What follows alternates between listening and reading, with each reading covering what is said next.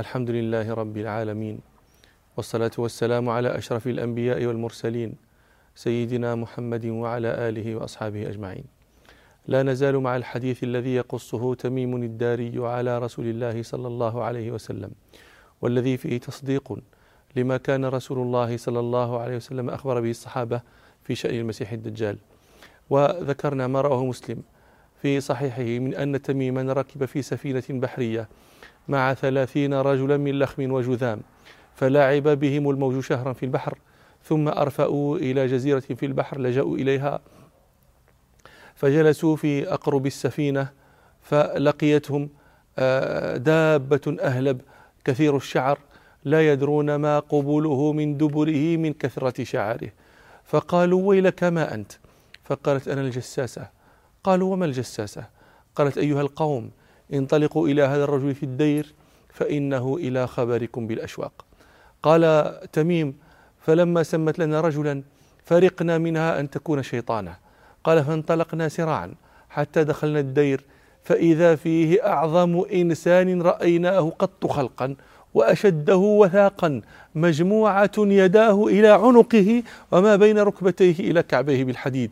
قلنا ويلك ما أنت؟ قال قد قدرتم على خبري أي سأخبركم به لا محالة لكن أخبروني ما أنتم.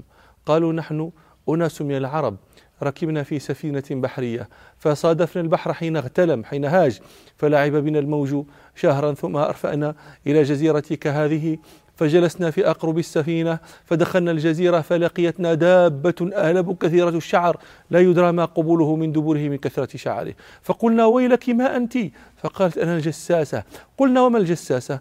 قالت اعمدوا إلى هذا الرجل في الدير فإنه إلى خبركم بالأشواق. فأقبلنا إليك سراعا وفزعنا منها ولم نأمن أن تكون شيطانة. فقال أخبروني عن نخل بيسان. ذكر الطيبي أنها قرية بالشام وذكر ياقوت أنها مدينة بالأردن. قال ياقوت وقد رأيتها مرارا فلم أر فيها غير نخلتين حائلتين. ثم ذكر أيضا أن هناك موضعا آخر اسمه بيسان وهو باليمامة في شمال المملكة العربية السعودية. قال والذي أراه أن هذا هو الموضع لأن فيه نخلا كثيرا. قال ذلك الإنسان العظيم الخلق الشديد الوثاق. قال أخبروني عن نخل بيسان. قلنا عن أي شأنها تستخبر؟ قال أسألكم عن نخلها هل يثمر؟ قلنا له نعم. قال أما إنه يوشك ألا تثمر. قال أخبروني عن بحيرة الطبرية. هذه معروفة في الشام. قلنا عن أي شأنها تستخبر؟ قال هل فيها ماء؟ قالوا هي كثيرة الماء. قال أما إن ماءها يوشك أن يذهب؟ قال أخبروني عن عين زغر. وهي قرية بالشام أيضا. قالوا عن أي شأنها تستخبر؟ قال هل في العين ماء؟ وهل يزرع أهلها بماء العين؟ قلنا له نعم هي كثيرة الماء وأهلها يزرعون من مائها. قال أخبروني عن نبي الأميين ما فعل. قالوا قد خرج من مكة ونزل يثرب. قال أقاتله العرب؟ قلنا نعم. قال كيف صنع بهم؟ فأخبرناه أن آه، أنه قد ظهر على من يليه من العرب وأطاعوه. قال لهم قد كان ذلك. قال قلنا نعم. قال أما إن ذاك خير لهم أن يطيعوه. وإني مخبركم عني إني أنا المسيح وإني أوشك أن يؤذن لي في الخروج فأخرج فأسير في الأرض فلا أدع قرية إلا هبطتها في أربعين ليلة غير مكة وطيبة فهما محرمتان علي كلتاهما. كلما أردت أن أدخل واحدة منهما استقبلني ملك بيده السيف صلتا يصدني عنها وإن على كل نقب منها ملائكة يحرسونها. قالت فاطمة بنت قيس فقال رسول الله صلى الله عليه وسلم وطعن بمخسرته في المنبر. هذه طيبة هذه طيبة هذه طيبة يريد صلى الله عليه وسلم مدينته. قال صلى الله عليه وسلم ألا هل كنت حدثتكم ذلك؟ قال الناس نعم. فقال صلى الله عليه وسلم فإنه أعجبني حديث تميم أنه وفق الذي كنت أحدثكم عنه وعن المدينة ومكة. ألا إنه في بحر الشام أو بحر اليمن؟ لا بل من قبل المشرق ما هو. من قبل المشرق ما هو من قبل المشرق ما هو وأومأ صلى الله عليه وسلم بيده إلى المشرق. ووفد على رسول الله صلى الله عليه وسلم وفد بني حنيفة وهم رهط مسيلمة الكذاب وكانوا يسكنون اليمامة واليمامة معروفة قد تكلمنا عنها. وفي الوفد رجال من رؤوسهم منهم رجال بن عنفوة ومجاعة بن مرارة وكان معهم مسيلمة الكذاب. وجعل مسيلمة يشترط ليسلم. روى البخاري ومسلم في صحيحيهما. عن ابن عباس رضي الله عنهما قال قدم مسيلمة الكذاب على عهد رسول الله صلى الله عليه وسلم. فجعل يقول إن جعل لي محمد الأمر من بعده تبعته وقدمها في بشر كثير من قومه فأقبل إليه رسول الله صلى الله عليه وسلم ومعه ثابت بن قيس بن شماس. وفي يد رسول الله صلى الله عليه وسلم قطعة جريد حتى وقف صلى الله عليه وسلم على مسيلمة ومسيلمة في أصحابه فوقف عليه فكلمه فقال له مسيلمة إن شئت خلينا بينك وبين الأمر أي خلينا بينك وبين أمر النبوة ثم جعلته لنا بعدك.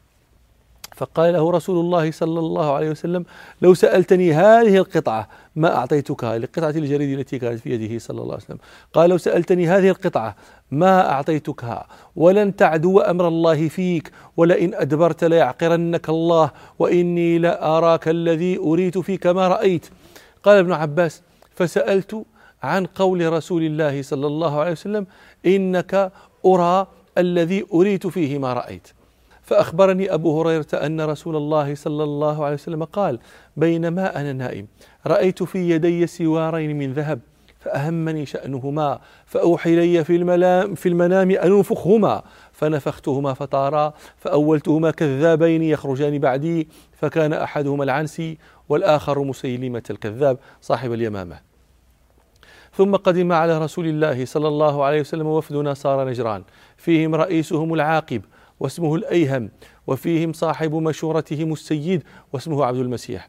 فدعاهم رسول الله صلى الله عليه وسلم إلى الإسلام وتلا عليهم القرآن فامتنعوا.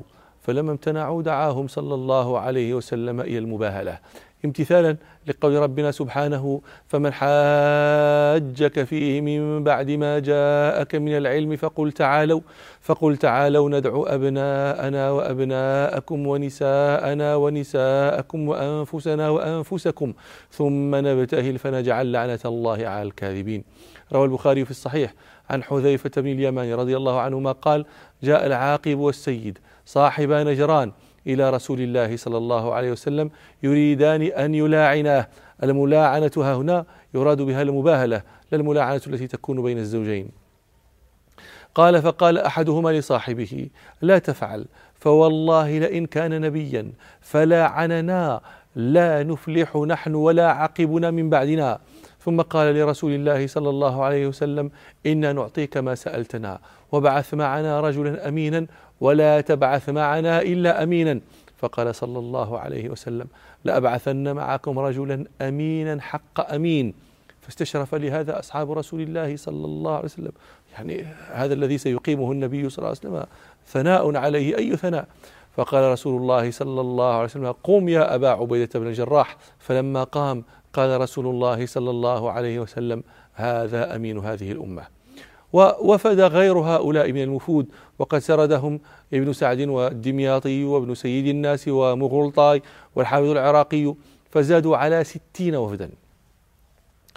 ثم توفيت أم كلثوم بنت رسول الله صلى الله عليه وسلم وزوج عثمان بن عفان رضي الله عنه وكانت خرجت إلى المدينة لما هاجر رسول الله صلى الله عليه وسلم مع فاطمة وغيرها من عيال رسول الله صلى الله عليه وسلم. فزوجها رسول الله صلى الله عليه وسلم مع عثمان بعد موت أختها رقية سنة ثلاث. وماتت أم كلثوم عند عثمان في أواخر سنة تسع ولم تلد له. وحزن رسول الله صلى الله عليه وسلم على ابنته أم كلثوم رضي الله عنها حتى رؤي الدمع ينحدر من عينيه. روى البخاري عن أنس رضي الله عنه قال شهدنا بنت رسول الله صلى الله عليه وسلم ورسول الله صلى الله عليه وسلم جالس على القبر فرأيت عينيه تدمعان. فقال صلى الله عليه وسلم هل فيكم من أحد لم يقار في الليلة؟ فقال أبو طلحة أنا. فقال صلى الله عليه وسلم فانزل في قبرها فقبرها. وبموتها رضي الله عنها لم يبق من بنات رسول الله صلى الله عليه وسلم إلا فاطمة رضي الله عنها. ثم مات عدو الله عبد الله بن أبي بن سلول رأس المنافقين. فجاء ابنه عبد الله بن عبد الله إلى رسول الله صلى الله عليه وسلم يستوهبه قميصه ليكفن فيه أباه. روى البخاري ومسلم في صحيحيهما عن ابن عمر رضي الله عنهما قال لما توفي عبد الله بن أبي جاء ابنه عبد الله بن عبد الله إلى رسول الله صلى الله عليه وسلم فقال يا رسول الله أعطني قميصك أكفنه فيه وصل عليه واستغفر له. فأعطاه رسول الله صلى الله عليه وسلم قميصه ثم قال صلى الله عليه وسلم آذني أصلي عليه. فآذنه فقام صلى الله عليه وسلم يصلي عليه. فقام عمر فأخذ بثوب رسول الله صلى الله عليه وسلم فقال يا رسول الله تصلي عليه وقد نهاك ربك أن تصلي عليه. فقال رسول الله صلى الله عليه وسلم إنما خيرني الله. فقال استغفر لهم أو لا تستغفر لهم. إن تستغفر لهم سبعين مرة فلن يغفر الله لهم وسأزيده على السبعين. فقال عمر إنه منافق يا رسول الله. ولكن رغم ذلك صلى عليه رسول الله صلى الله عليه وسلم فأنزل ربنا سبحانه ولا تصلي على أحد منهم مات أبدا ولا تقم على قبره. وروى البخاري عن عمر بن الخطاب رضي الله عنه قال لما مات عبد الله بن أبي بن سلول دعي له رسول الله صلى الله عليه وسلم ليصلي عليه. فلما قام رسول الله صلى الله عليه وسلم قال عمر وثبت إليه. فقلت يا رسول الله أتصلي على ابن أبي؟ وقد قال يوم كذا وكذا كذا وكذا. قال عمر أعدد عليه أقواله التي قال. قال فتبسم رسول الله صلى الله عليه وسلم. وقال أخر عني يا عمر. قال عمر فلما أكثرت عليه قال إني خيرت فاخترت. لو أعلم أني إن زدت على السبعين يغفر له لزدت عليها. صلى الله عليه وسلم. ما أرحمه وما أوصله وما أكرمه. نسأل ربنا سبحانه ألا يحرمنا شفاعته. قال فصلى عليه رسول الله صلى الله عليه وسلم ثم انصرف. فلم يمكث إلا يسيرا حتى نزلت الآيتان من سورة براءة. ولا تصلي على أحد منهم مات أبدا ولا تقم على قبره. إنهم كفروا بالله ورسوله وماتوا وهم فاسقون. ولا تعجبك أموالهم وأولادهم. إنما يريد الله أن يعذبهم بها في الدنيا وتزهق أنفسهم وهم كافرون. قال عمر فعجبت بعد من جرأتي على رسول الله صلى الله عليه وسلم يومئذ والله ورسوله أعلم. ثم دخل شهر ذي الحجة من هذه السنة عن السنة التاسعة من الهجرة. فبعث رسول الله صلى الله عليه وسلم أبا بكر الصديق ليحج بالناس. وبقي هو صلى الله عليه وسلم في المدينة يستقبل الوفود التي جاءت تدخل في دين الله أفواجا. وأمر رسول الله صلى الله عليه وسلم أبا بكر أن يبلغ من حضر الموسم من الناس جميعا أنه لن يؤذن لمشرك بالحج بعد هذا العام ولن يؤذن لعري أن يطوف بالبيت بعد هذا العام. روى البخاري ومسلم في صحيحيهما. عن أبي هريرة رضي الله عنه قال بعثني أبو بكر الصديق. في الحجة التي أمره عليها رسول الله صلى الله عليه وسلم قبل حجة الوداع في رهط يؤذنون في الناس يوم النحر.